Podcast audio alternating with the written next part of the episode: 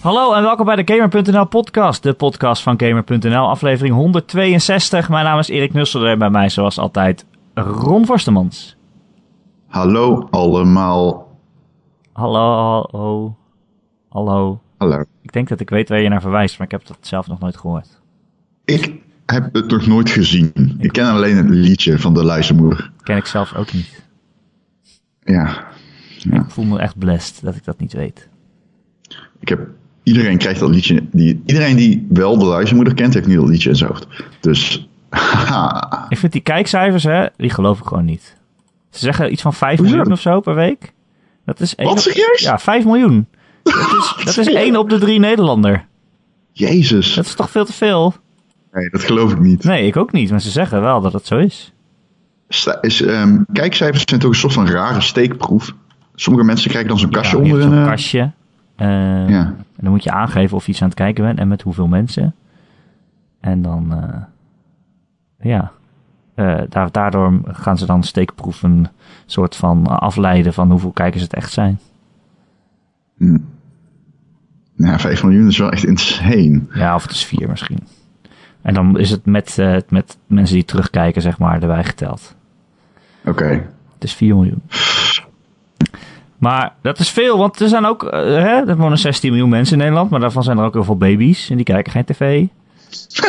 Ja, correct. Ja, Ja, nee, klopt. Ja. Daar kan ik niks tegen Nee, je die, kijken geen tv. die moet je al aftrekken. Dus, eh, nou, dan ga je. Zullen we het over games hebben? Eh, ja, ja, laat. Games. Videogames. Eh, wat we hebben al een nieuwe spellen gespeeld. Ik kan het straks over Mos hebben. Dat is een spel met een lief muisje. Maar jij Hm. hebt iets gespeeld wat nog niet uit is. Ja, Eh, namelijk Far Cry 5. komt er wel bijna uit. Bijna. Wanneer komt die uit? Ja, ik had dat onder mijn, eh, onder mijn preview gezet, dus nou moet ik gaan opzoeken. Volgens mij 26 maart. 27 maart. Nog Sorry. één maand. Oh, aan het eind van deze maand. Ik heb het even opgezocht. 27 maart, ja. Dat is wel bijna. Dat klopt. Maar eh, wat vind je ervan? Ehm, heb je ooit een Far Cry gespeeld, Erik? Ik heb Far Cry 4 gespeeld. Oké, wat vond je van Far Cry 4? Ik vond het leuk. Eh, tenminste, ja, het was wel aardig. Ja, zo'n grote open wereld waar je rondloopt en een beetje een shooter speelt. Dat is best wel leuk. En ik weet ook dat elke game zo'n andere omgeving heeft die dat dan weer spannend maakt. Maar ik ben Ja, een setting en ja, omgeving. ik ben gestopt toen eh, een leeuw me zomaar aanviel. en ik dood ging. Ik eh, ben. Ik, dat, dat gebeurt nog steeds. Ik, ik heb dus een, Oh, zo. speelsessie gehad op een event in Parijs. En ehm, ik stond, ik weet niet waarom ik dat erbij zeg overigens. Dat zeg ik er niet bij om te zeggen. Dat is ook zo'n ding trouwens. Hè? Sommige mensen denken dan dat het heel leuk is om een dag naar Parijs te gaan. Nee, deden ze het maar gewoon in op- Amsterdam. Op nog. Brabant. Ja, precies. Of gewoon thuis, alsjeblieft. Dit is Doe gewoon thuis. Het is echt zo verschrikkelijk om een dag naar Parijs te moeten met die kuttalies. En dan pas om 12 uur thuis te zijn. En om 6 uur op te moeten staan voor een speelsessie van 4 uur. Maar dan zeg ik dan op het werk bij Omroep Brabant bijvoorbeeld van... Hé, hey, moet morgen naar Parijs om eh, die game te spelen. En dan zeg ik ze... Oh, wat leuk. En dan zeg ik... Nee, nee, dat is fucking verschrikkelijk. Dus ik weet niet waarom ik dat erbij zei. In ieder geval niet om op te scheppen of zo. Ehm, Het enige leuke is Alleen- dat je vier uur in het talies zit en waarschijnlijk je Switch bij je hebt. Eh, ja, en daar heb ik Celeste op gespeeld. Oh, dat dat is awesome. Ja, dat is echt cool. Ehm, Oké, Far Cry 5 dus. In vier uur tijd heb ik ongeveer één uurtje co-op gespeeld, twee uurtjes singleplayer en ehm één uur waarover ik niks kan vertellen, omdat dat andere uur, daarvan valt alles buiten het embargo Een geheim uur. Ja, dat is een geheim uur dus. Is het Eh, omdat het een geheime speelmodus is? Ja, Mag je en het is ook de minst boeiende. Oh, Dus ik ga daar met weinig berouw ga ik dat negeren in deze podcast. En in mijn tekst ook. Ehm, maar ehm, ehm, Far Cry 5, ehm, eh, in die drie uur heb ik dus alles gecaptured ook. Ik heb het opgenomen. wow. Alles. En ik heb het even teruggekeken, ja. En het was heel grappig, want er zit een moment in, dan probeer ik een, ehm, eh, gewoon een event te starten, zeg maar. Er zitten shrines in de game. En op die shrines kun je, eh, zeg maar, stunt missies spelen met een stuntman. Clutch Nixon. Wat dan heel overdreven Amerikaans is. En, eh, waar een hoop vuurwerk en adelaars mee gepaard gaan. shit. Ehm, maar ik probeerde zo'n missie te starten bij zo'n shrine. En ik werd de hele, de hele tijd aangevallen door een beer. En Oh. op die gecaptured beelden zie je mij dus echt drie keer die missie starten, waarna allemaal vuurwerk begint en adelaars beginnen te vliegen. En dan opeens oh, oh, hoor je mijn karakter kreunen omdat hij tegelijkertijd wordt aangevallen door een beer. Dus dat zit er nog steeds in. personage? Personage, hè? Bedoel je, bedoel je personage? Zei je character? Je zei karakter. Oh, wow. Wow. Wow, Ron, eindredacteur. Anyway. Maar ik haat dat zo, want daarom ben ik ook gestopt met Far Cry 4. Als je gewoon aan het rondlopen bent in een open wereld. En op elk moment kan je door een wild dier aangevallen zou Ja. kunnen worden. Ja, en het Daar heb ik kan, zo'n hekel aan, want dan loop ik gewoon niet relaxed rond. hey, het kan ook nog eens door vijanden. Je hebt ook gewoon mensen die rondrijden en jou gewoon opeens vanuit hun raam van hun pick-up Ja. soort terug zie je nog te wel aankomen of zo. Maar zo'n slang in het gras. Ik bedoel, fuck die beesten. Ja, dat is wel waar. Het is wel heel eh, onvoorspelbaar allemaal. Zo van daar hou ik pseudo-realisme, weet je wel? Zo Ja, van, het is realistisch, niet leuk, maar het is wel realistisch. Nee. Ja. ja. Far Cry is heel realistisch altijd, hè? Ja, dat zit er- sim, geloof ik, hè? Ja. Ja, ja maar ze, Ga weg, joh. ze, ze proberen daar wel dingen mee te doen, hè? Dat, eh, zeker Far Cry 3 natuurlijk. Had dat wel een beetje nog, weet je niet? Ja, en Blood Dragon ook wel. Blood Dragon was de meest realistische uiteindelijk. Nee man, Far Cry is helemaal niet realistisch. Nee, natuurlijk Ja, niet. twee misschien. Nee, in Afrika niet. was het. Twee. Nee, maar Far Cry zit... Ik zeg ook niet dat het realistisch is, maar ik bedoel, Far Cry die schept altijd op met dingen als... Ja, en eh, het vuur verspreidt zich aan de hand van de wind en zo, weet je wel? Dat soort shit. Pseudo-realisme. Oh, ja. Dat gewoon niet echt realistisch is, maar er zitten van die mechanics in waarmee ze realisme proberen na te bootsen. Zoals, je gaat op een slang staan, of ja, hè, eh, in de jungle heb je slangen, zoals in Far Cry 3. En dan opeens lig je gewoon in het gras en dan... Ah, ah, dan word je gebeten door een slang. Dat soort shit, weet je wel. Maar eh, nee, Far Cry 3 is inderdaad geen realistische game, Erik. En 4 en 5 ook niet. Dat heb je mooi gezegd.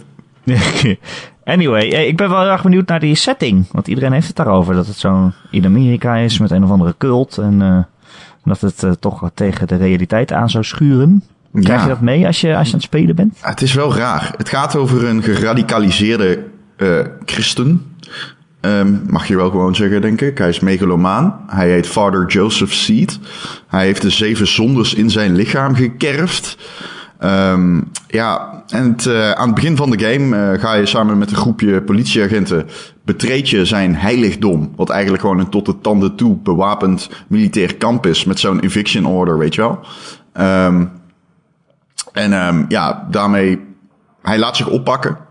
Je loopt samen met hem geboeid naar de helikopter. Maar ja, dan eh, zegt hij iets van, eh, ja, God laat mij niet gepakt worden. En dat, eh, ja goed, of het God is weet ik niet. Maar zijn volgelingen grijpen in. En je stort met de helikopter naar beneden. Terwijl zij zich lijfelijk op jouw helikopter en in de wieken werpen. Hij heeft een behoorlijk fanatieke eh cult-following. Ehm, en ehm, ja, vanaf dat punt, eh, when it all goes to shit, eh, word je opgevangen door Clutch. Is een eh, Dutch, sorry, Dutch. Dutch is lid van het verzet. Hij wordt ook de stem in je oor tijdens de missies. En begint het ja, toch wel traditionele Far Cry open wereld gedeelte eigenlijk, vanaf dat punt. En ja, inderdaad, die setting is wel tof. Het ligt in een soort van rural gebied in Montana. Ehm, ja, eh, de communicatie met de buitenwereld is niet mogelijk. Eh, alles is afgesloten. Seed heeft de lokale overheid in zijn zak en alle routes naar andere regio's van de staat, hè, zowel door de lucht als over land als in het water, eh, die, die, die heeft Seed afgesloten. Dus jij moet eigenlijk een verzet opbouwen en binnen de regio's van de spelwereld. Ehm, en ehm, daar hebben ze een speciale resistance meter voor in het leven geroepen. Die loopt op met al het goede dat je verricht. En ehm, nou ja, ik heb dat tijdens de speelsessies nog niet erg meegekregen. Maar je hebt drie regio's met drie verschillende resistance meters.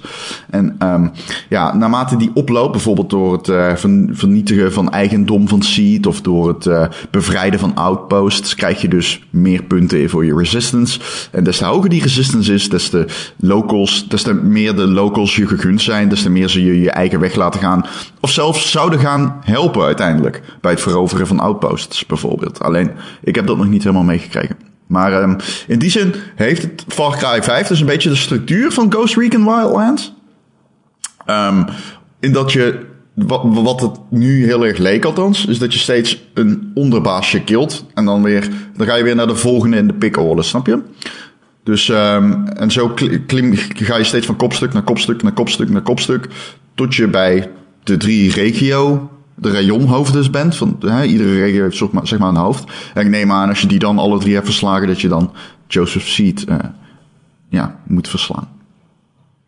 Is het dan ook weer zo'n zo'n Ubisoft game, zeg maar, echt? Dat je ja. Uh, elke keer de regionen vrij speelt en uh, ja, een kaart vol icoontjes hebt? Ja, heel erg. Het is heel erg dat. Maar er zitten geen uh, radiotorens meer in. Um, die viewpoints uit Assassin's Creed en uh, Far Cry eerst, weet je wel, die je moest veroveren, waarmee je dan uh, allemaal icoontjes op je map krijgt. Dat zit er niet meer in. Sterker nog, okay. aan het begin van de game roept die Dutch dus, die, dat verzetslid, dat de stem in je oor is, dan die zegt van, oh, je moet even deze toren beklimmen. En terwijl je dat doet, denk je echt van, ah, oké, okay, nou goed, ik weet al dat dit niet de hele tijd gebeurt, omdat, um, nou, laat ik het anders zeggen, hij zegt, hij roept dan van, oh, maak je maar geen zorgen, ik laat je dit niet de hele game lang doen. Oh ja, echt. Dat zegt hij. Maar ja, dat is in principe. Ubisoft heeft al in iedere trailer en in iedere persrelease al geen naar het feit dat er geen radiotorens meer in zitten. Omdat ze zich heel erg bewust zijn van het stigma van die Ubisoft, zeg maar. Um, dus ja, dat, ik vond het een leuke. Het was een leuke verwijzing. Maar verder uh, heeft het hele. De radiotorens zijn weg. Dat hele gebeuren heeft niet echt heel veel invloed op hoe je door de spelwereld navigeert. Want je bent alsnog continu bezig met het veroveren van outposts en praten met mensen en lezen van briefjes in de speelwereld. Um, waarmee je activiteiten op de map ontgrendelt. Dus je bent alsnog via de map, zeg maar, aan het kijken van... Oké, en waar kan ik nu heen? Oh, hier heb ik een outpost. Nou, uh, die heb ik net vrijgespeeld, dan ga ik daar wel heen. Snap je?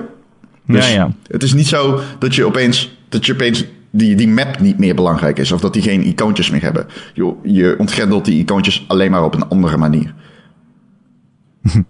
ja. Oké, maar ja. Maar ja, zit, ja, heb je dan ook allemaal zijn missie dingen en zo? Ja, dat zit er nog steeds in. Uh... Zeker, ja, nee, absoluut. Je hebt nog steeds die zijn missies. Je hebt nog steeds dat je af en toe hostages moet redden die random tegenkomt. Uh, bijvoorbeeld op een gegeven moment uh, kwam ik een briefje in de spelwereld tegen. Nou, daar stond iets op over een voorraad van preppers. Nou, dan ga je die voorraad plunderen. Um, het is gewoon best wel een heel erg traditionele Far Cry game eigenlijk. En um, het voelt voor mij niet alsof de, de zeg maar, Far Cry 5 doet niet wat Assassin's Creed heeft proberen te doen. Of Rainbow Six Siege heeft proberen te doen. Een beetje, dat ze echt een creatieve kwinkslag proberen toe te voegen. Nee, het is wel heel erg die traditionele Far Cry game. Dat wel. Um, ja. En de vraag is dan, is dat erg? Uh, ik vond het wel leuk. Wat mij, wat mij betreft is het de rekker nog niet helemaal uit, uit die formule. Maar het is wel echt die formule. Het is wel echt die formule. Ja, maar vond je het leuk? Ik vond het leuk. Het leukste was de co-op. Far Cry 5 is uh, geheel co-op. Dat was Far Cry 4 ook. Alleen Far Cry 4 had dan um, momenten dat de verhalen, de missies, zeg maar, die kon je niet samen doen. En dat kan in Far Cry 5 wel. Um, um, uh, en het, het jammere is dan dat je geen voortgang opslaat. Als jij iemand joint die bijvoorbeeld dan een heleboel verhalende missies gaat doen. En jij gaat dan daarna ga je terug naar je eigen game. Dan heb jij die missies niet ontgrendeld of gedaan. Je neemt alleen de uh, loot mee en de ervaringspunten naar je eigen game. En dat is toch wel een beetje kut, hè? Ja. Kijk, Ghost Recon Wildlands, wat ik echt nog steeds een geweldige game vind. Um, die, die, die, die deed dat wel. Ik, ik, um, ik snap ergens wel dat Far Cry meer verhalend is. Dus dat dat in Far Cry veel moeilijker is om zeg maar die progressie te delen. Um, want je kan gewoon dus iemand joinen die endgame zit. En dan snap je helemaal niks van als je een cutscene tegenkomt. Ja. Um, bij wijze van, snap je? Ja, ja. Ja, en dus ik snap het ergens wel, maar het is wel jammer. Omdat je juist die... Die co-op maakt het echt heel erg leuk, die game. Het wordt echt je kan wel... Kan je de hele game co-op spelen, zeg ja. maar? Ja, je kan de hele game co-op spelen. Ja. Ja, drop in, drop out, net als Far Cry 4 en ook de verhalen en de missies dus. Um, ja. Het lijkt er gewoon een beetje op Ghost Recon Wildlands in co-op. Sowieso lijkt die game een beetje op Ghost Recon Wildlands in co-op. In die zin dat het gewoon heel veel kutten is. Um, ik heb echt zo hard gelachen toen ik met een, collega, een Nederlandse collega, die, eh, zeg maar, die eerste anderhalf uur speelde ik in mijn eentje. En dat was heel erg serieus. Uh, ik kreeg dus die verhalende missie met Seed. En daarna ging ik een beetje kijken van, uh, nou, wat kan ik allemaal doen in de spelwereld? Um, en dat is dus, moet ik nog wel even bij aanmerken. Ik kwam dus bij die collega, die Nederlandse collega, niet van Gamer, andere site. En uh, ik begon met hem te praten wat wij in onze. Voordat we samen koop gingen doen, begon ik een beetje zo van: wat heb jij net allemaal gedaan? En hij had dus na die eerste missie compleet andere avonturen beleefd, andere mensen ontmoet, andere outposts bevrijd, andere uh, zijmissies gedaan. En uh, nieuwe belangrijke informatie vanuit outposts, zeg maar, binnengehengeld. Waardoor je ook weer nieuwe questlines krijgt. Um, dus dat is wel grappig gedaan. Ze willen heel erg dat jij gewoon, um, als, ze zeggen heel erg van, dat zeggen ze ook, uh, als twee mensen tegelijkertijd die game beginnen te spelen, gaan zij een andere volgorde van avonturen beleven. En misschien wel andere avonturen beleven, want je hoeft natuurlijk niet iedere side quest tegen te komen. Um, omdat je niet meer dat systeem met die torens hebt. Snap je? Je hebt niet meer dat je gewoon allemaal dezelfde icoontjes hebt als je die toren ontgrendelt. Nee, nee, nee. De volgorde waarin jij informatie ontgrendelt in de spelwereld bepaalt ook wat jij kan gaan doen. Of je moet het toevallig tegen het lijf lopen als je bijvoorbeeld aan het rondlopen bent. Want dat kan natuurlijk ook nog. Je kunt dingen ook toevallig ontdekken. um, dus dat is grappig. Uh, maar toen kwamen we daar dus achter. En dat, dat, dat vond ik wel tof. Zo van, oh oké, nou goed. Dat, dat, betekent in ieder geval dat je... Mm, zeg maar die, die vrijheid die je hebt in outposts altijd, die kleinschalige actie uh, in Far Cry, dat je op heel veel manieren zo'n outpost kan verslaan. In Far Cry 3 kon je dan bijvoorbeeld uh, uh, op de, het slot schieten van een kooi waarin een beer zat. En dan stormde die beer naar buiten en pakte die iedereen in de outpost, weet je wel? Of je ging heel stealthy te werk, of je reed juist naar binnen met een buggy, met een zo'n machine gun achterop. En dan schoot je gewoon iedereen helemaal naar de tyfus. Het was heel veel vrijheid. Die vrijheid proberen ze nu een beetje op grotere schaal toe te passen. Dus uh, het is ook letterlijk zo, een outpost kun je 360 graden rondom aanvallen. Je hebt, eh, in Cry 4 had je nog heel veel uh, gangetjes waar je doorheen moest. En verder was het heel erg afgesloten. Dat is nu niet zo. Je kunt in principe zelfs gewoon met een vliegtuig gewoon naar binnen vliegen. En gewoon neercrashen en uh, op het laatste moment eruit springen. Um, dat is wel grappig gedaan. Uh, maar goed, toen begon dus de co-op.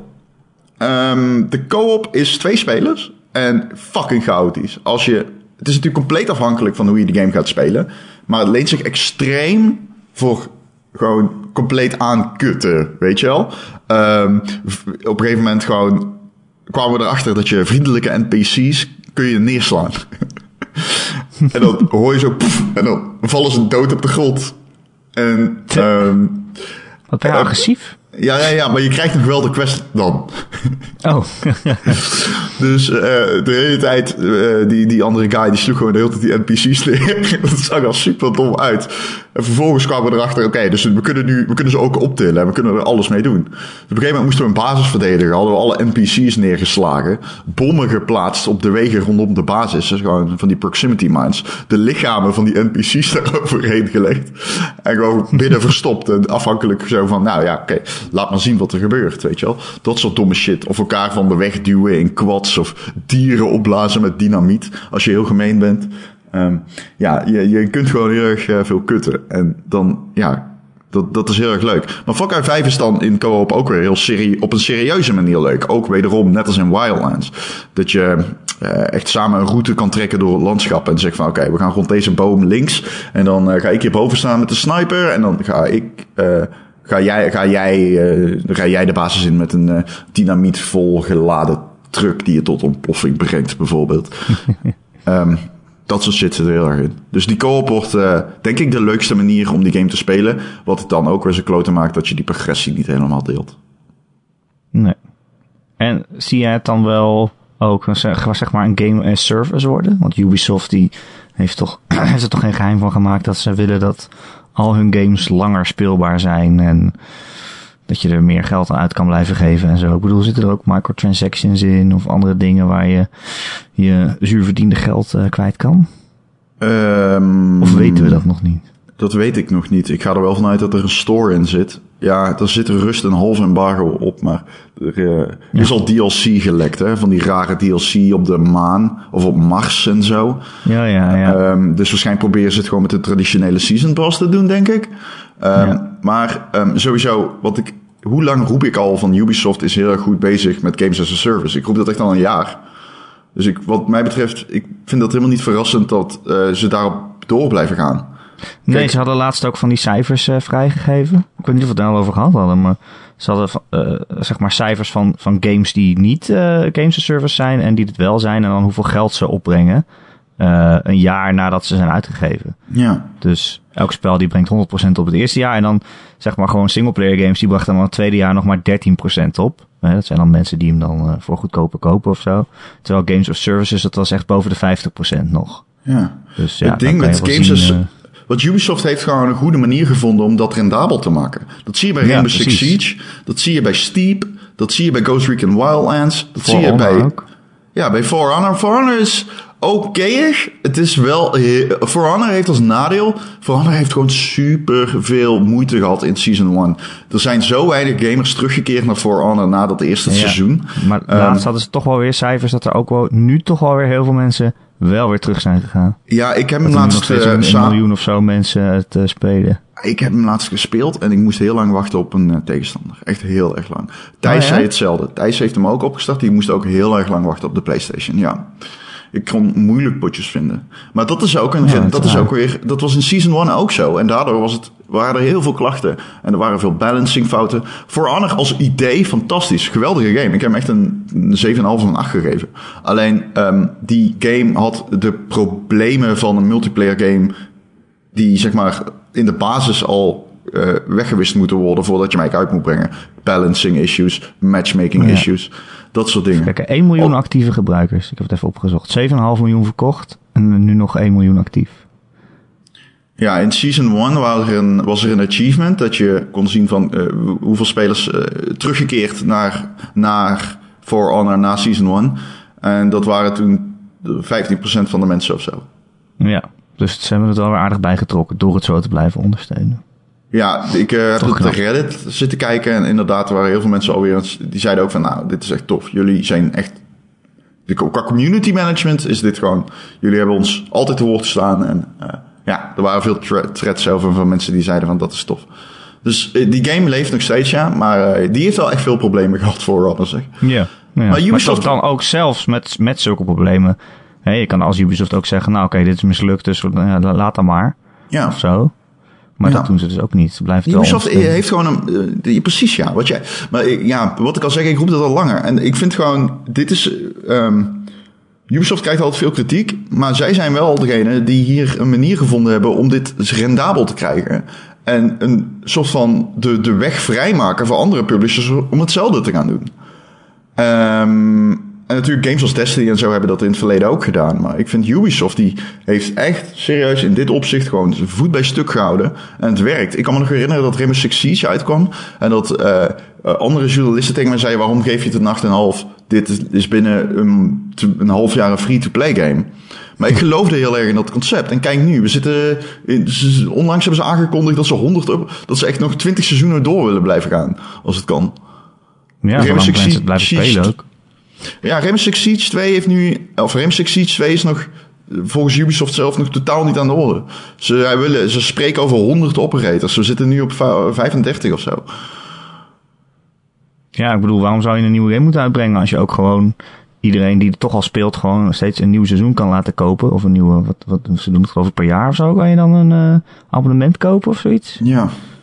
Uh, uh, ja, waarom zou je dan een nieuwe game uitbrengen als je ook gewoon kan verder bouwen op wat je toch al hebt?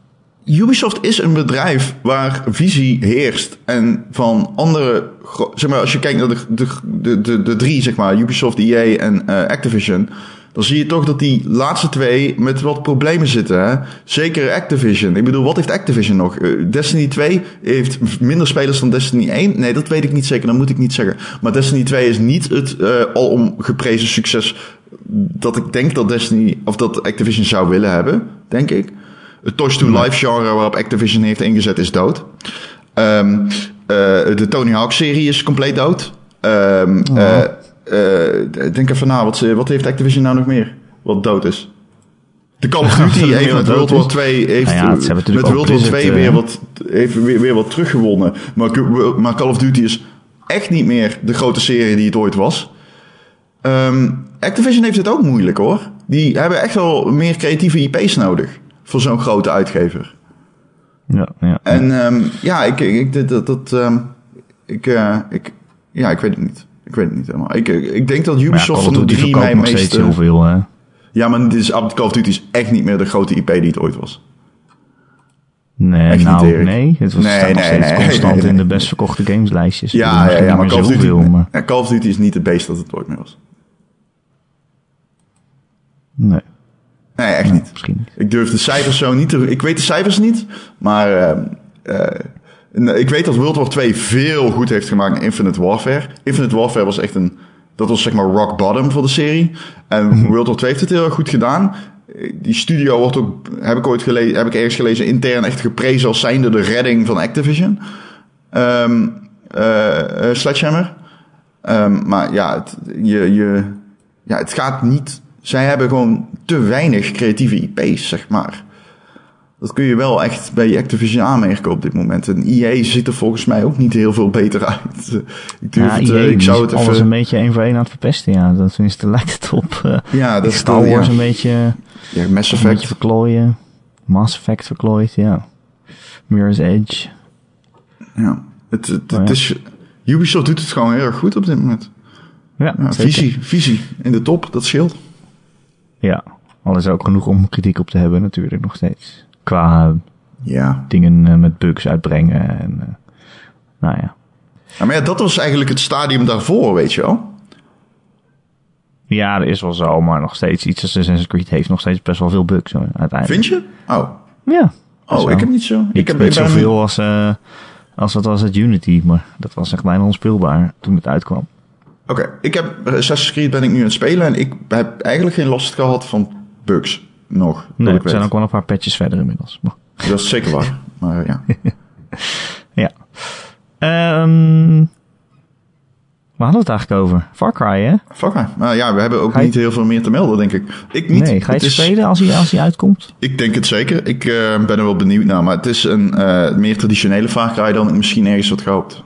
Dat wel. Ik uh, heb heel erg zoiets van... Um, ik vind de setting tof, ik vind de verhaallijn wel dat ik hem wil blijven spelen. Um, die bad guy is weer echt een, een echte bad guy, zeg maar. Pagan Min had nog iets van menselijks, weet je wel. Iets van... Uh, dat je hem kon lezen. Dat kun je deze guy niet. Deze guy is echt een viezerik, zeg maar. een echte klootzak. Um, niets menselijks is hem eigen. Maar ja, ik wil hem ook gaan spelen, denk ik. Ja. Maar wel om die redenen. En niet zozeer om dadelijk... Die combat en zo is lekker. Alleen, ik heb niet dat ik... Van, wat mij betreft is het direct nog niet uit die formule. Maar ik ben wel... Ik zie die serie wel... Um, um, in een moeilijke plek zitten of zo. Ten opzichte van andere Ubisoft franchises. Snap je wat ik bedoel? Ja, het, het lijkt... Je het leunt veel meer op die traditionele Ubisoft-fundering dan andere Ubisoft games. Ja, maar dat is natuurlijk Far Cry, hè? Een shooter in steeds een nieuwe exotische omgeving. Of exotisch, dan denk je misschien meteen aan zon en zo. Maar meer van, ja, uh, ja hoe zeg je dat? Ja, markant, in ieder geval opvallende omgevingen. Ja, apart, ja. Ja, precies. Maar Wat is dat hele... blijft elke keer hetzelfde. Dan, dan, ik moet wel zeggen dat er was natuurlijk toen de setting werd onthuld veel kritiek vanuit uh, bepaalde groepen in Amerika, omdat het zou uh, lijken op de huidige politieke situatie in zeg maar de wat meer beboste gebieden van Amerika. Om even netjes te zeggen. Um, ik moet zeggen, die game drijft het thema wel dusver op de spits. Ze doen hun uiterste best om die relaties met het de huidige politieke klimaat, zeg maar, te willen zo, zo te forceren dat het niet meer realistisch is, snap je? Mm um, dat soms lukt dat, maar niet helemaal. Omdat, en dat komt misschien ook wel gewoon omdat de realiteit de krankzinnigheid heeft ingehaald in Amerika. Maar ja. Ja, maar goed, dat konden ze ook niet weten toen ze die game gingen maken, toch? Het is niet nee, alsof ze vorig jaar begonnen zijn. Nee, nee, daarom. Nee, daarom. Het is wel raar dat het echt direct te maken heeft met gewoon christendom. Dat is wel ja, raar. het is wel heel, het is wel heel echt of zo. Het komt wel heel Zou, dichtbij. zouden ze dit ook, dan denk ik van, zou je dit doen met de islam? Zou je dit in Noord-Afrika doen? Dat is natuurlijk ook, dat in principe, in, qua context, is dat same Ja. Dus eh, ik vind dat wel, eh, ik vind het ergens wel eh, riskant of zo. Wel zoiets van, ja, je weet waar je jezelf aan gaat branden. Er zijn natuurlijk altijd mensen die dat niet waarderen. Nee, maar als je het zo erg in het belachelijke trekt, dan. Of in het extreme Maar trekt. dat lukt dus niet helemaal. Ja, het is... Maar er is toch niemand die dan gaat zeggen: Oh ja, maar ik ben het eigenlijk eens met deze J- seed, eh, deze, deze vijand. Nee, Dus nee natuurlijk niet. Maar er zijn wel mensen die zeggen... Nee, maar je moet het juist... Dan, ik denk dat je het meer moet draaien naar... Er zijn mensen die gaan zeggen... eh, mijn geloof wordt hier op een manier afgebeeld die ik niet waardeer.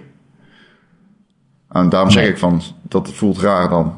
Voelt een beetje... Dan zeggen ze: ja, Dit is niet jouw geloof, dit is een extremist daarin. Dus ja, die bestaan ook echt. Maar er Ja, zijn nog zeker. even te weinig mensen die het daarmee eens zijn om eh, hier een rel van dan te, te maken. Nee, ja, ik bedoel, Ja. het is niet alsof Call of Duty 4 hetzelfde als zich niet in Noord-Afrika afspeelde of zo. Ik bedoel, Nee. ik zeg ook niet dat het... Maar ik, ik, vind, ik bedoel, ik, het is een gewaagde zet. Of daar iets mis mee is, laat ik in het midden. Het is gewoon, je weet wat voor shit je op je afroept als je dit doet. ja, zeker. Ja, maar dat is ook wel weer goed. Ja, misschien.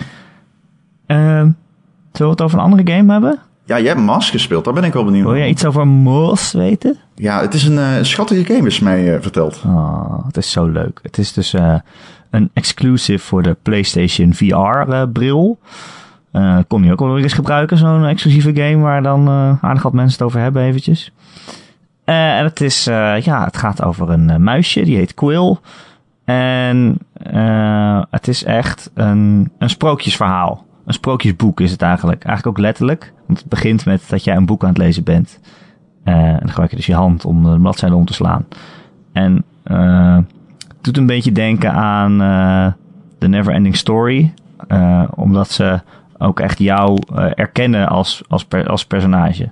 Dus Mhm. eh, die muizen die, die noemen jou de reader. En ze zien jou ook echt eh, eh, in, in de lucht hangen, zeg maar. Dus jij bent dan de lezer van het boek, maar daarin heb je ook een rol. Mensen, wie zijn de mensen dan in, het, in dit eh, thema? Nee, de, mu- de muizen. de muisjes. muizen, de muizen, muizen, sorry. Ja, en er is dan dus een, eh, een, een verhaalverteller. Dus die leest eigenlijk het boek voor. Dat is wel de hele tijd dezelfde stem, maar die doet, zet dan een stemmetje op als hij de stem van Quill doet of van andere personages. Serieus? een- ja, dat is dat is wel grappig. Dus ze praten nooit zelf, maar dan is er zo'n verteller die zegt: Hé, hey, wat doe jij daar? Zei Quill. ja, het is best wel grappig. Ehm, eh, ja, en het is best wel zo'n VR-game die niet heel eh, intensief is. Dus je kan je misschien afvragen, ja, wat heeft het eigenlijk voor zin dat het VR is? Want het is niet alsof alles actie om je heen gebeurt of zo. Je hoeft je niet om te Mhm. draaien of naar boven te kijken. Het is echt gewoon een, een, eh, een 3D-platformer. Mhm.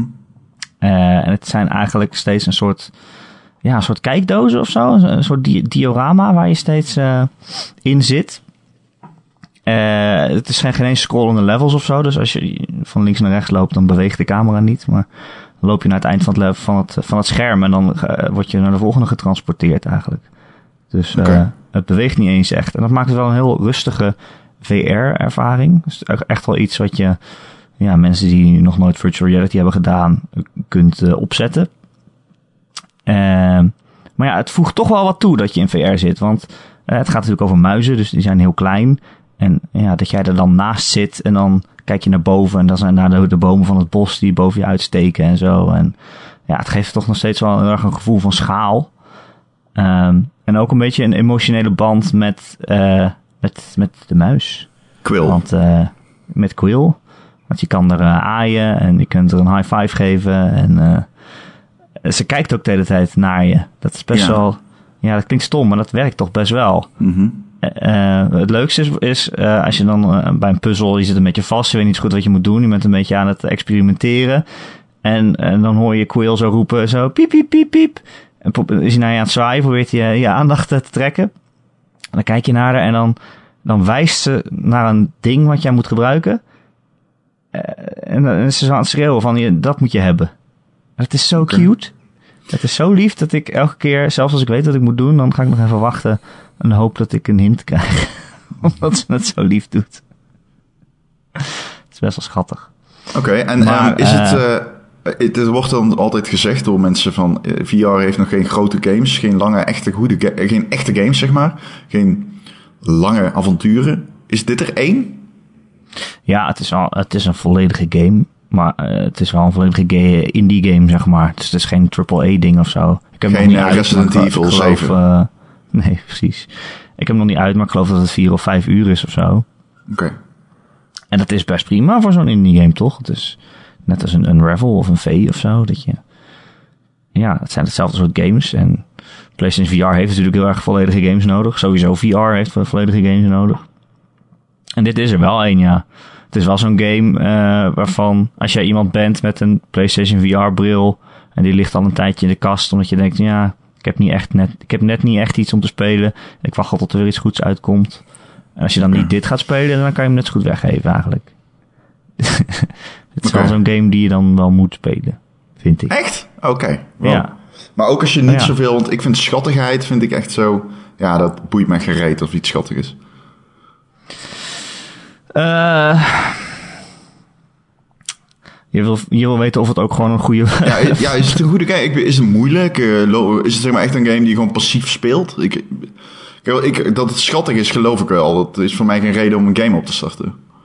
Dat doet mij niets. Eh, ja, het is ook gewoon best wel leuk. Ja, het is nog niet heel moeilijk. Ja, wat ik zeg, ik heb al gehoord dat het aan het einde op zich wel enigszins uitdagend wordt. Het is niet super moeilijk. Je moet gewoon een beetje blokken uit de weg halen en zo. En, eh, zodat ze er langs kan en dan, en dan weer terugstoppen, zodat ze er overheen kan lopen. Ehm, er zitten ook vechtstukjes in.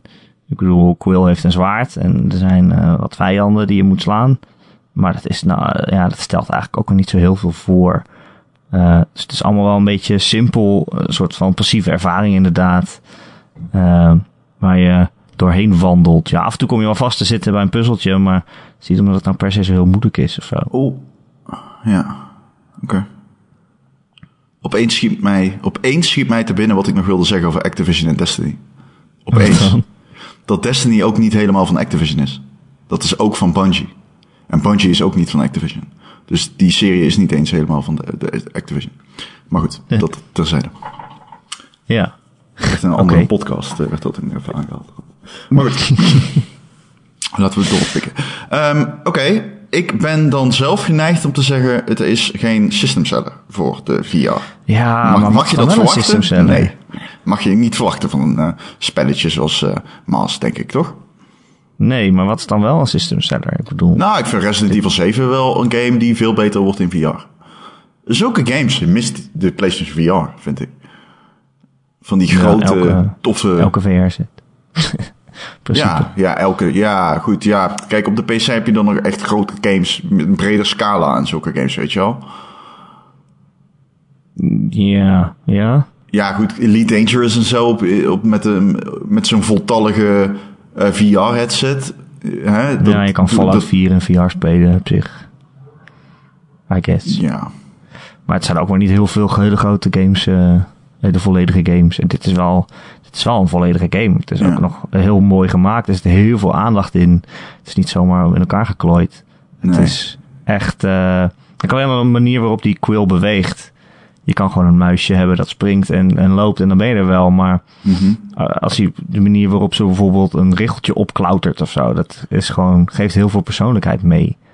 Eh, je ziet er echt zo klauteren en zo. Dat is, ja, het, ja, ik weet niet. Het schept wel echt een band. Uh, Je kan ook naar de zwaaien en zo, dan zwaait ze terug. Oh, je speelt eh, met de maar- PlayStation Move, eh, of wat?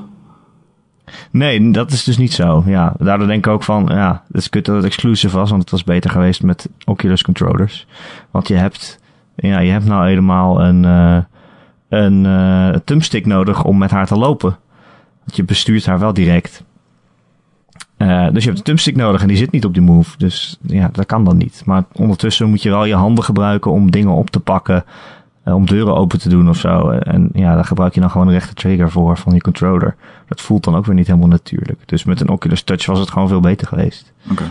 Goed, dat kan nou helemaal niet. Nee, nee, nee, ik denk, ja. Ik denk dat ik hem wel ga kopen.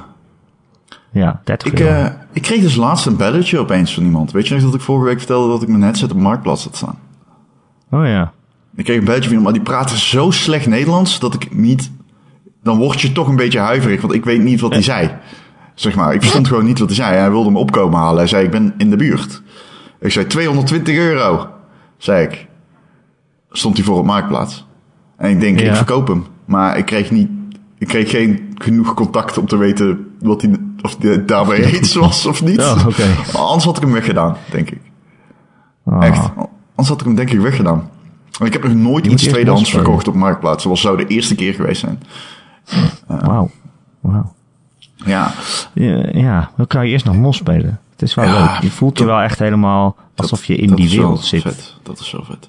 Het, is wel, het zijn echt leuke kijkdoosjes, zeg maar. Het En enige je wat, hebt wel- meer- wat ik wel... Sorry? Ja? Nee, het enige wat ik wel jammer vind is dat je niet gewoon eh, alles kan oppakken. Dat je zit bijvoorbeeld in haar huisje en er zit, daar liggen allemaal leuke dingetjes, boeken en kopjes en weet ik veel wat. Maar je kan eigenlijk alleen maar de dingen aanraken die specifiek voor die puzzels bedoeld zijn. Die Eh, game... dat is wel ehm, zonde, want als je gewoon... ja, sorry. Sorry, Erik. Ik dacht dat je... Nee, zonde, want als je gewoon met alles kunt spelen, dan voel je je ook meer in die wereld thuis. Dan voel je ook echt alsof je er bent. En nu ben je, heb je toch wel het gevoel, oh ja, ik ben een game aan het spelen. Hmm, ja. Ja, dat begrijp ik wel. Ja, dat is natuurlijk bij VR sowieso. Die intensiteit rond, van, rond een weer, in een wereld lopen is veel groter. Ehm, Zo'n game als Gone Home zou zich in mijn optiek echt perfect lenen voor VR. Ja, zeker. Ik- Oh, alles oppakken en alles zo. pakken. Ja, zeker. ja. Maar wat ik wilde vragen is, jij hebt natuurlijk nu de game, die game is op de PlayStation VR, eh, exclusive. Eh, kun jij dan makkelijk de kwaliteit negeren als je Oculus Rift gewend bent van de VR, VR van PlayStation? Nou ja, ja, je moet beoordelen op wat het is, toch?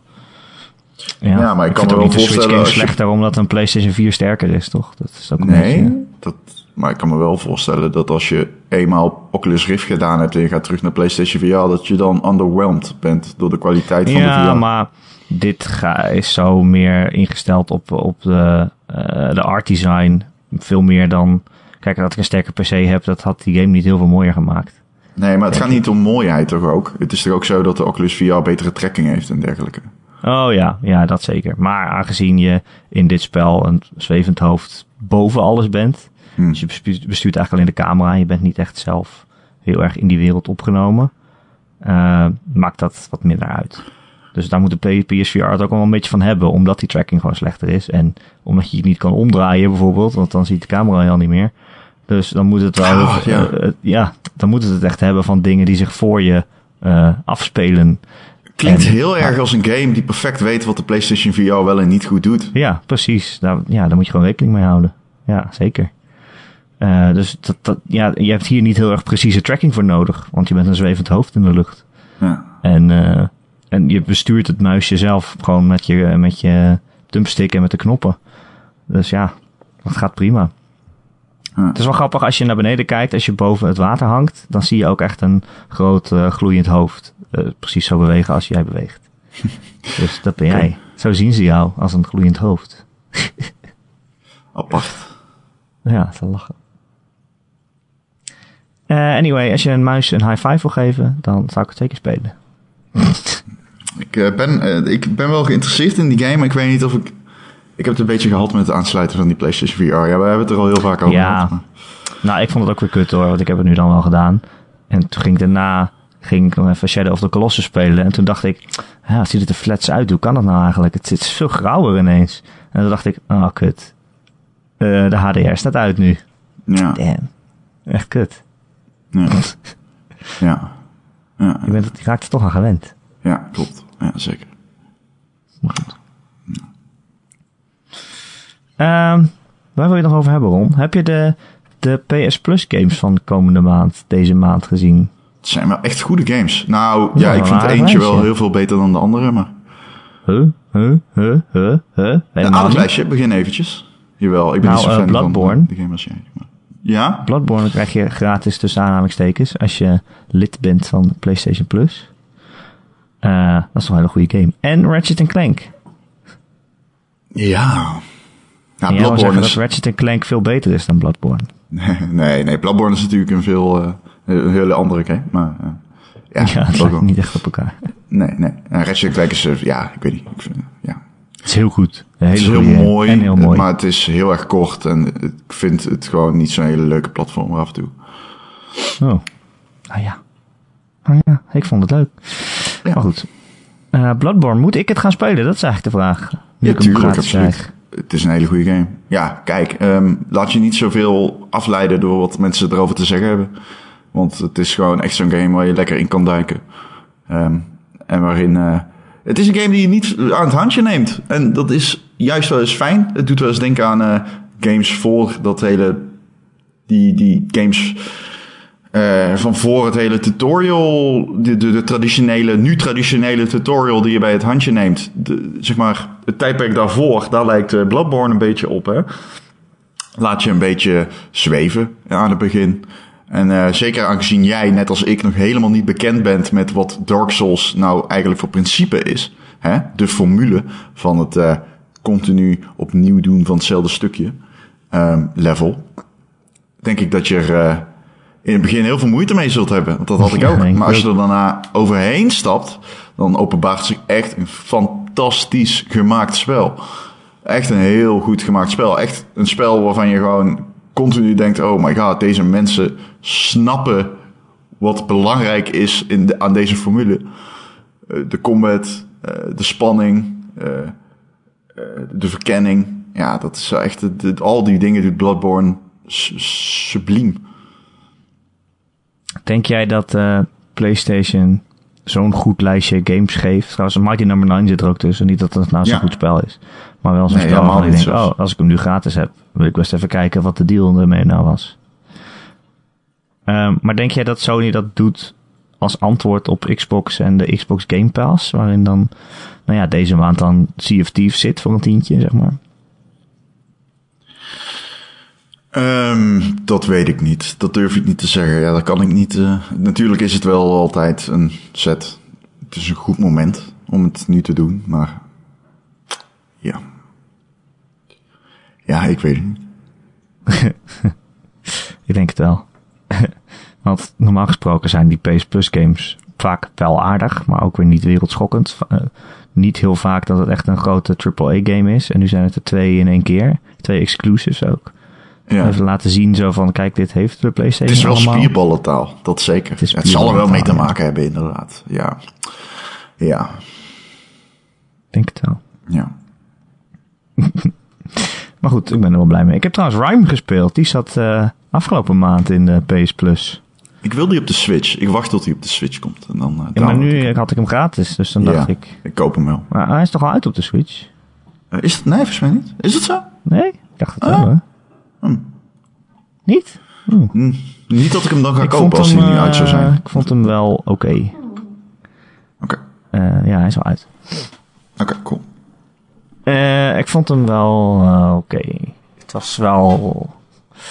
Het heeft veel grote ideeën en niet alles werkt. En niet alle puzzels zijn even leuk. En dan worden ze ook nog herhaald. Hm.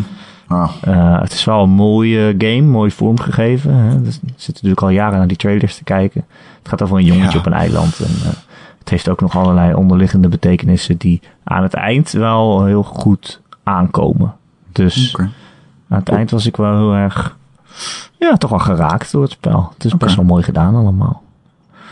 Eh, maar of, ja, het is niet dat elk moment spelen nou even leuk was. Maar goed. Ik ben zelf Celeste aan het spelen nu. Oh, Ehm, Celeste. Ja, goede game zeg. Jezus, echt een, echt een leuke game. Leuk verhaaltje ook. Had ik eigenlijk helemaal niet verwacht. Verhaaltje. Ja, verhaaltje. Het is niet echt Ja, een verhaal. Het is klein, klein thema's, toch? Tot Ja, nu toe, in ieder geval. Bedoel, Ja, het wordt nog wel interessanter, denk ik. Dat je dat gaat vinden. Oké. nou, het is in ieder geval qua, qua eh, platformen is het echt heel erg leuk. Je hebt steeds van die kleine puzzels natuurlijk die je dan, inderdaad zoals jij al zei, als je dan dat spiergeheugen in werking treedt, en als je dan er eenmaal in zit, dan kun je hem niet makkelijk meer stoppen. Nee, precies. Nee. Ja, je denkt steeds, ah, nog één keertje. Ik was er echt bijna. Ja, ja precies. Nog één keertje. Ah, ik heb hem bijna. Ja, ah, damn. Eh, weet je wat ik op de Switch aan het spelen ben? Even denken. Bayonetta 2. Oeh, wat een game. oh, Het is- een. Zo'n strakke actiegame. Ja, echt. Het is eh, wel weer heerlijk. Ik vond Bayonetta, de eerste Bayonetta, ook al heel goed. En dit is toch wel ook echt dat je denkt, hoe is dit een game? Hoe hebben ze dit ooit gemaakt? Het Hoe is dit vier jaar oud ook? aaneenschakeling, Ja, zo'n aaneenschakeling van domme, domme hoogtepunten en, en set pieces. En dat je denkt, hè, wat zijn we aan het doen? Maar ja, het voelt Ja, wel heel pijn. Ik hoop Het dat het ook dat de je- hele game volhoudt. Aan het paaldansen bent en de hele wereld om je heen aan het draaien is. Dat was wel zo van, hmm, what the fuck? Wat gebeurt hier? Waarom Ja. loop ik op een F-16? Het zijn er allemaal En trap ik bad guys in een tegen aan het vechten. martelwerktuig terwijl er een draak om mij heen cirkelt en we door flats heen vliegen. Wat gebeurt er? Uitstekend. Ja. Ik vind hem ook wel, ik speel ook wel soms met mijn hand voor mijn ogen, zeg maar. Ik vind hem best wel problematisch af en toe. Hoezo dan? Nou ja, ze zegt om de havenklap naakt weer. Eh, nog veel vaker dan in één. Gewoon elke keer als ik een combo doe, dan heeft ze geen kleren meer aan. Ja. En ook echt die cameraman, dit is ook echt een... eh, Je zei cameraman. de vorige keer hield, hield hij... Luister, hoor je dit, luisteraar? De vorige keer hield hij mij voor de gek omdat ik cameraman. zei. En nu zet hij zelf cameraman. Ja? Maar dat is zo, eh, is zij op een paard aan het rijden en dan heb je even een shot van drie seconden van haar kont die op en neer stuitert op het paard. Met Die zo'n game begint met een shot van, van haar... eh een cr- cr- crotch shot, noem, je dat volgens mij? Maar waarom, waarom? Ik vind het ook een beetje... Er zit ook gewoon, ja, niet alleen dat, maar ook zo'n ontzettende stereotype Italiaan in. Die de hele tijd forget about it zegt. Alsof die in eh eh, Godfather zit. Ja, Ja, dat vind ik wel een beetje cringy hoor. ja, ik weet dat jij dat vindt. Ja. Ik kan daarmee leven. Maar goed, de actie is, eh, is heerlijk. Ja, joh. Zeker. Die actie is echt fantastisch. Dat draagt die game echt zo enorm. Die ja, fucking actie, zeg. Het is ook zo heerlijk hoe snel je tussen wapens kan wisselen. Love it. we hebben nog een kijkersvraag, eh, Ron. Oh, we hebben geen kijkers, we Voordat hebben we luisteraars. Oh ja, we hebben ook luisteraars. Nou, er zitten misschien wel mensen naar eh, de YouTube telefoon plaatje te kijken.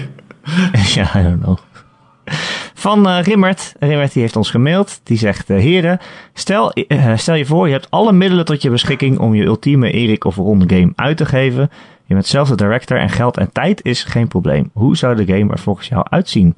Qua gameplay, stijl, verhaal of geen verhaal, et cetera. Ik ben gewoon benieuwd. Bedankt voor het wekelijkse lachuurtje. Groetjes van Rimmert. Ehm, ja, jezus. Al het geld in de wereld, Ron.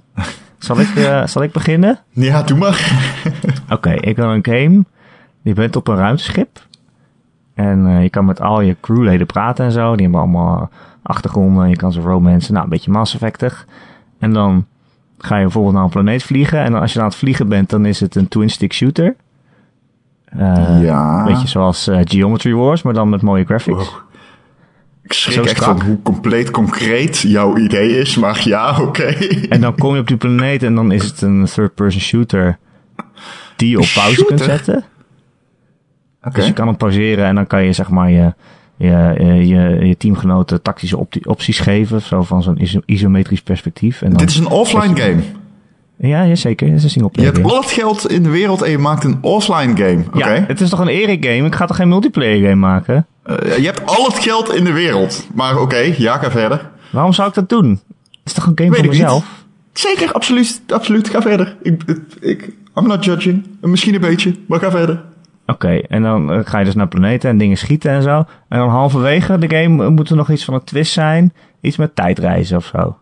Of eh, alternatieve universe- universums. Of dat de bad guy eh, blijkt jijzelf uit de toekomst te zijn. Die, jou, die zichzelf komt tegenhouden omdat wat jij aan het doen bent eigenlijk eh, allerlei catastrofische gevolgen heeft. Zoiets? Ik hou van tijdreizen, Ron. Een bizar concreet idee. Maar ik, ik vind het Of het fantastisch. is je moeder uit een, uit een alternatieve tijdlijn. Jij houdt echt van die Steins Gate shit, hè? ja, dat Ik ben die anime aan het kijken. Oh, echt? Ja, hou alsjeblieft, hou, hou, hou me tegen. Ik kijk een anime.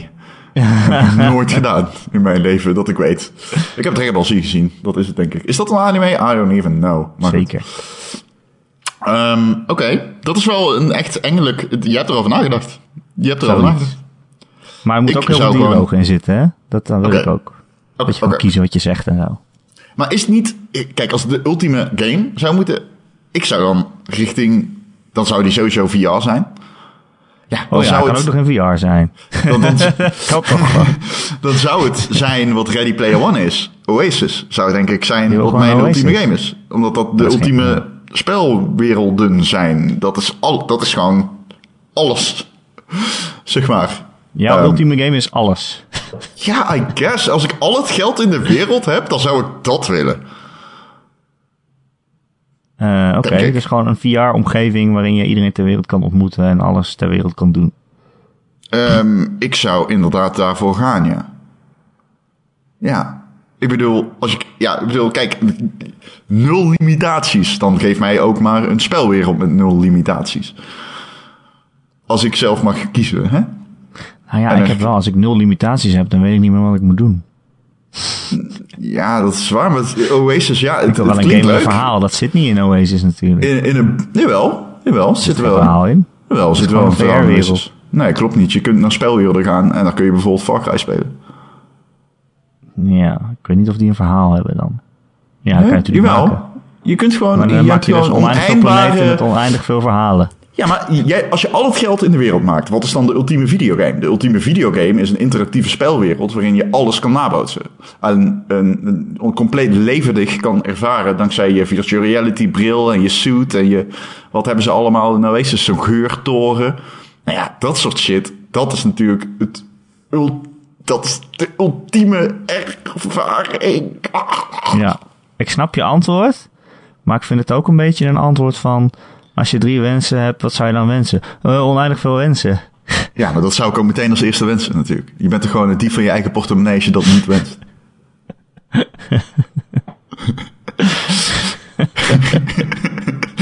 ja, toch? Ja. Ik wil een game met alle games erin. Ja, nou ja, het, eh, ja, oneindig veel geld, Erik. Nogmaals, oneindig veel geld. Als ik oneindig veel geld zou hebben, dan zou ik geen game gaan maken. Nee, als ik. Nee, precies. Wat ging je dan doen? Geen idee, Naar joh. Duisburg. niks. Koop ik gamer.nl en dan... eh, Ja? Oeh, reshift. Ik denk dat ze... Ja, ik, ze kloppen je leeg, hoor. Ze kloppen mij leeg. Maar ik heb oneindig veel geld. Ze blijven gewoon rekeningen sturen. Tot in oneindigheid. In alle dimensies. Holy shit. Oké. Oké. Nou, eh, eh, oké. Ja, wat zou je doen met oneindig veel geld? Goede vraag. Wow, ik begin na te denken over mijn eigen leven. Mijn mortaliteit. Ja. Eh, uitdelen waarschijnlijk. Maar dan verkloot je de economie natuurlijk. Als je oneindig veel geld hebt en je deelt het uit aan oneindig veel mensen. Ja, dat is geld niks geld niks meer waard. Nee. Nee. Nee, bedankt voor het Lastig. verneuken van de kapitalistische invalshoek van deze samenleving, leving, Ja. Erik. Nou, nee, is ook wel prima eigenlijk. kan ook wel zonde. Ja, hoe ga je dan nog... eh, ja, ja, nou ja, goed, oké. ja. Er zijn er nooit meer games. Er zijn er nooit meer games. Ik wilde net zeggen, hoe ga je dan nog een podcast maken over games zonder kapitalisme? Dat is moeilijk. Ja, het wordt alleen maar retro gaming dan. Ja, maar ja, waar koop je die retro games? Eh, weet ik niet. Van wie koop je die ook? Met, met wat? Ja, met Moet wat? je Ja, voor een zak zout? ja Met wow. Ja, ja. Anyway, tot die tijd ge- maken we gewoon nog podcasts. Dus eh, volgende week is er ook weer eentje. Die kun je elke maandagochtend downloaden via onze website gamer.nl. Of we luisteren via ons YouTube kanaal. Of via Soundcloud. Of via Stitcher. Of allerlei andere podcast apps. Waarbij je je kan abonneren. En dan eh, krijg je hem gewoon elke week op je telefoon. Dat is wel super handig. En als je dat eh, op een Apple apparaat doet. Dus dan kom je in iTunes terecht. Dan zouden we het heel fijn vinden als je een keer een reviewtje achterlaat. Een aantal sterretjes met een tekstje. En dat is eigenlijk alles wat we van je vragen. Ja, Dat is alles. we- we- nog 13, hè? Nog 13 recensies op iTunes en we hebben 100. Ik zou het 100? Ja, we hebben 100. Ik zou het echt super vet vinden als we 100 kunnen halen voordat we aflevering 200 hera- eh, hebben. Voordat we stoppen. Ja, voordat we stoppen, ja. Omdat ik gamer.nl heb gekocht. Ja, ja. en de, de kapitalisme kapot gemaakt. Precies. Heb je een vraag voor de podcast? Eentje waar Ron een normaal antwoord op kan geven? Dan kun je mij mailen. erik.gamer.nl Erik met een k. at gamer.nl Of je kan ook een reactie achterlaten onder het bericht eh, waar je dit, deze podcast Ik- vindt op onze mooie website. Ik weet trouwens welke game ik zou maken. Denk Wat ik. dan? Ik zou gewoon een Rainbow Six 3 remaken. Is wel aardig voor geld. En een remake je een oude game? Ja, ja, ja, dan remake ik Rainbow Six 3 in 4K HDR. Ik zou wel Final Fantasy 6 in 3D willen maken. Oh, Rainbow Six Ik weet 3 in VR. Oh. Blue Bravo Team, dat komt eh, deze week uit. Ja, ik eh, heb die gespeeld op de E3. Ja. Dat is ook Eh, van Ubisoft, toch? Ja, eh, weet ik niet eigenlijk. Die stond bij de Sony stand. Ik durf zo niet te zeggen wie hem uitgeeft. Maar dat was, het kwam niet echt bij mij aan. Het kwam Nee, niet het echt was bij een mij heel binnen. erg eh, standaard militaire shooter, toch? Maar dan in VR. Ja. Maar die multiplayer game, daar ben ik wel benieuwd naar in VR. Nou, ik het weet niet van hoe Sony. is.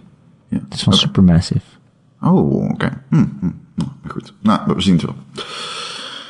We zien het wel. We zien het wel. Ehm, ja, tot volgende week, Ron. En Tot dankjewel. Ja, bedankt. volgende week. Jij ook bedankt. Jij ook bedankt. Tot volgende week. Doeg. Doeg.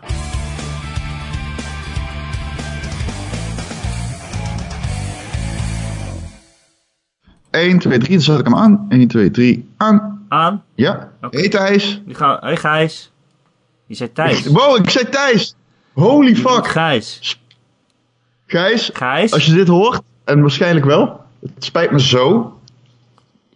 Wat als Thijs het hoort? Dat is Oké. Oké, Er zit een ding in, hè? in kom de- Thijs. Eh, ik bedoel Ron. Ja. Wow. Wacht even hoor. Oké. Hallo, oh wacht, welk nummer is dit? 120. Hallo, oh, oh, oh. Oh, oh.